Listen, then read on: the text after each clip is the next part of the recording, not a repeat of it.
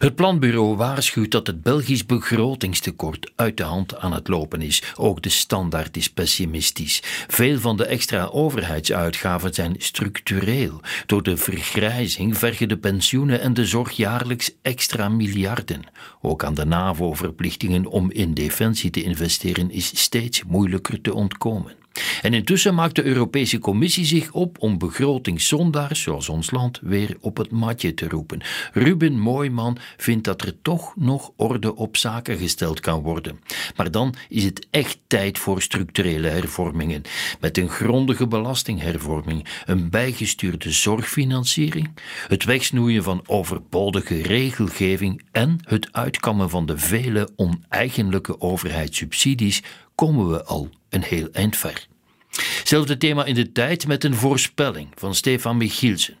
De realiteit zal in de verkiezingscampagne worden ontkend. De federale en de deelstaatregeringen kloppen zich op de borst dat dankzij hun beleid de Belgische economie het behoorlijk goed doet maar die laatste is voor een groot stuk op krediet gekocht. De regeringen hebben hun begrotingen laten ontsporen. Door de speelzucht van de voorbije jaren is de financiële speelruimte van de volgende bewindsploeg nu al opgesoupeerd. Dat zou in de campagne moeten worden beklemtoond, maar dat zal niet gebeuren. De kiezer, hij weet het ergens wel, maar toch wil ook hij bedrogen worden.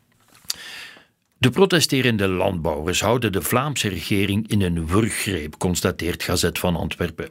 Die Vlaamse regering kan bijna niet anders dan aan de eisen van de boeren tegemoet komen.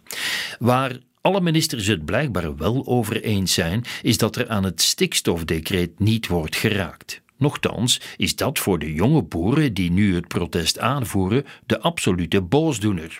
De landbouwers houden met weinig democratische praktijken als blokkades de samenleving in een wurggreep. Het valt te vrezen dat de natuur, de mens, de boer en de democratie daarvoor later een prijs zullen betalen, besluit Chris van Marsenille. Het nieuwsblad heeft het over de rel rond het taalgebruik van Tom Meus, de Antwerpse schepen van vooruit die ontslag nam. Vooruit blijft zich in de voet schieten door te verdedigen wat eigenlijk niet te verdedigen is, vindt Peter Meilemans. Conner Rousseau en Tom Meus. Wat de twee uitkraamden verschilt in zwaarwichtigheid van de gebruikte woorden.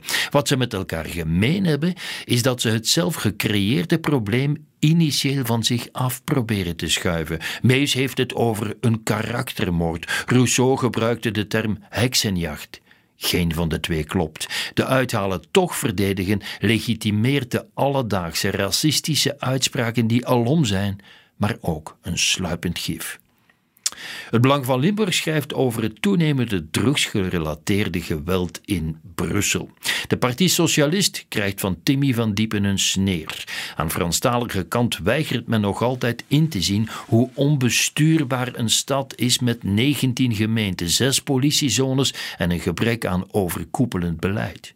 Je zou verwachten dat een Brusselse minister-president de aanpak coördineert om zijn stad opnieuw leefbaar te maken. Maar nee, de PS staat liever met de hand open voor meer federaal geld in plaats van de hand in eigen boezem te steken en de honderden postjes in vraag te stellen. Minister van Justitie van Tichelt die is nogthans optimistisch. We gaan de strijd tegen de drugscriminelen winnen, belooft hij.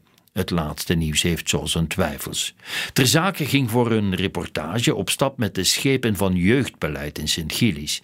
Toen ze op een pleintje een interview van hem afnamen, schreeuwden jongeren in bivakmutsen dat hij moest opkrassen. De man lachte schaapachtig en vertrok. Naar een straat in zijn gemeente waar hij van de criminelen wel nog mocht staan.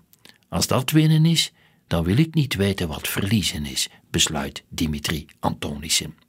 En dat waren ze, de krantencommentaren van vrijdag 16 februari.